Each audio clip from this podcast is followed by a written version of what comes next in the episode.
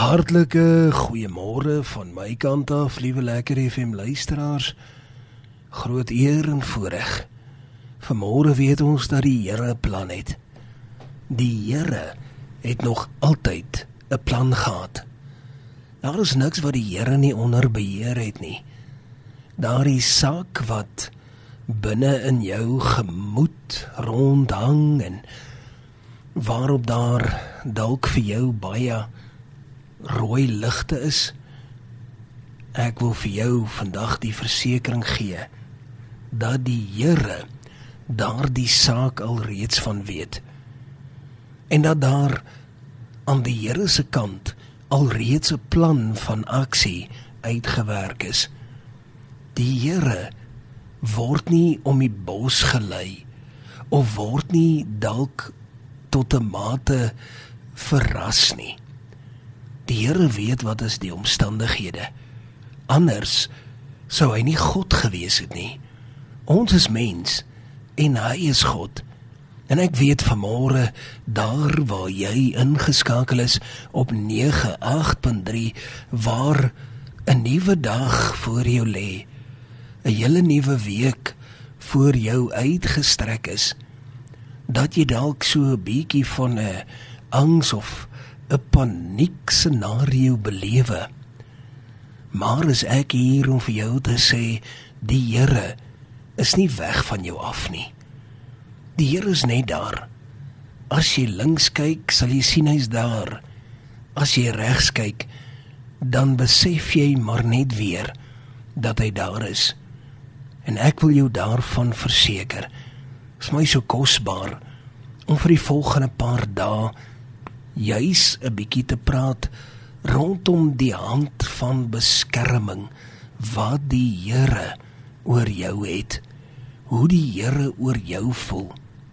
En dit is vir my 'n groot eer om te kan bevestig dat die hand van die Here altyd daar is om na sy kinders om te sien.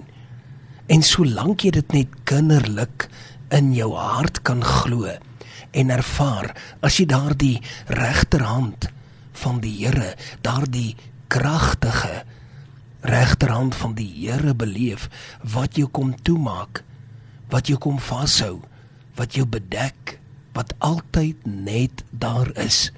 As jy dit sal besef, dan weet jy die Here kyk na jou. En gister juis het ons spesifiek gepraat met betrekking tot Deuteronomium 31 vers 6 waar dit so duidelik aan ons weergegee word. Wees sterk en absoluut volmoed. En ek weet baie maal voel dit asof jy nie kan sterk wees nie en asof die moed totaal en al weggeval het.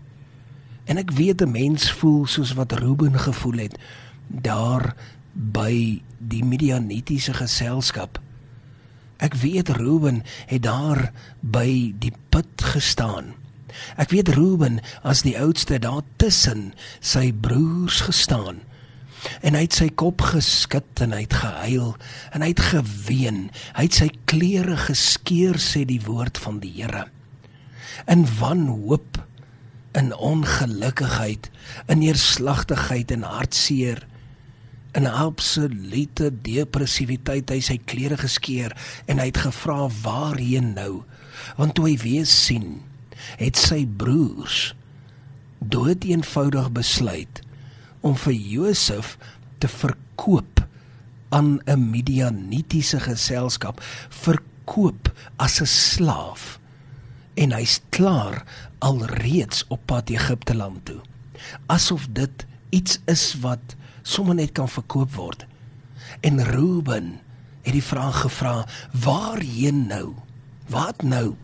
Wat moet ek nou doen?" Want hy het geweet hy is die die man wat uiteindelik sal moet antwoorde gee. Hy het geweet dat hy die man is wat verantwoordbaar is en dat sy pa vir hom gaan vra: "Waar is Josef?" En dit is vir my baie kosbaar want ek weet dat die Here is die God van nog 'n kans. Die Here is die een wat vir jou sê staan sterk en laat jou hart vol met waagmoed. Dis so kosbaar. Hy sê wees nie bevrees of verskrik nie, want hy is met jou. Ek wil jou graag 'n skrifgedeelte lees en ek wil hê jy moet jou Bybel in jou hande neem. En daarna gaan ek vra dat ons saam bid oor hierdie spesifieke teks. Hebreërs 13 vers 6. Luister baie mooi na die woorde. Ek gaan dit baie stadig lees.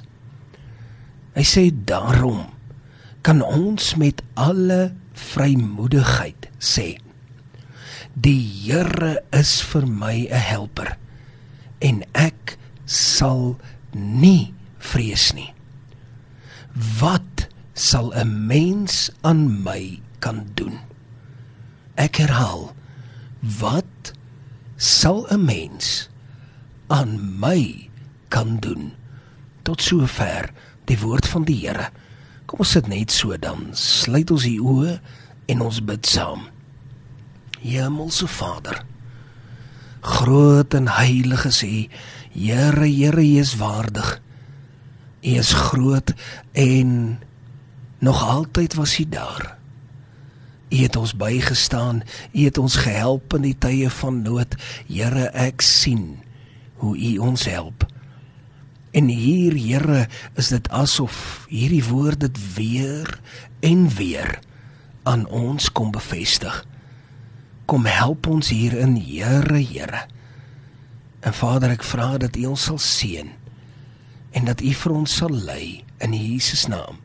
Amen. En amen so kosbaar en so gesaghebend is hierdie woord. Die Here sê: Moenie vrees nie.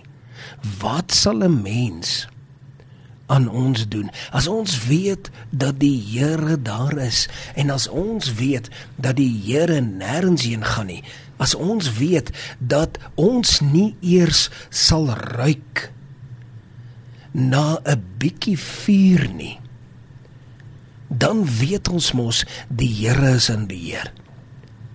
Ek meen die mense was by daardie vuuroond wat ons al lees vandat ons babietjies omtrent is.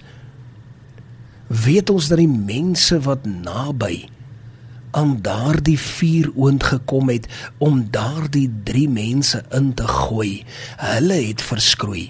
Hulle het gedink disintegreer.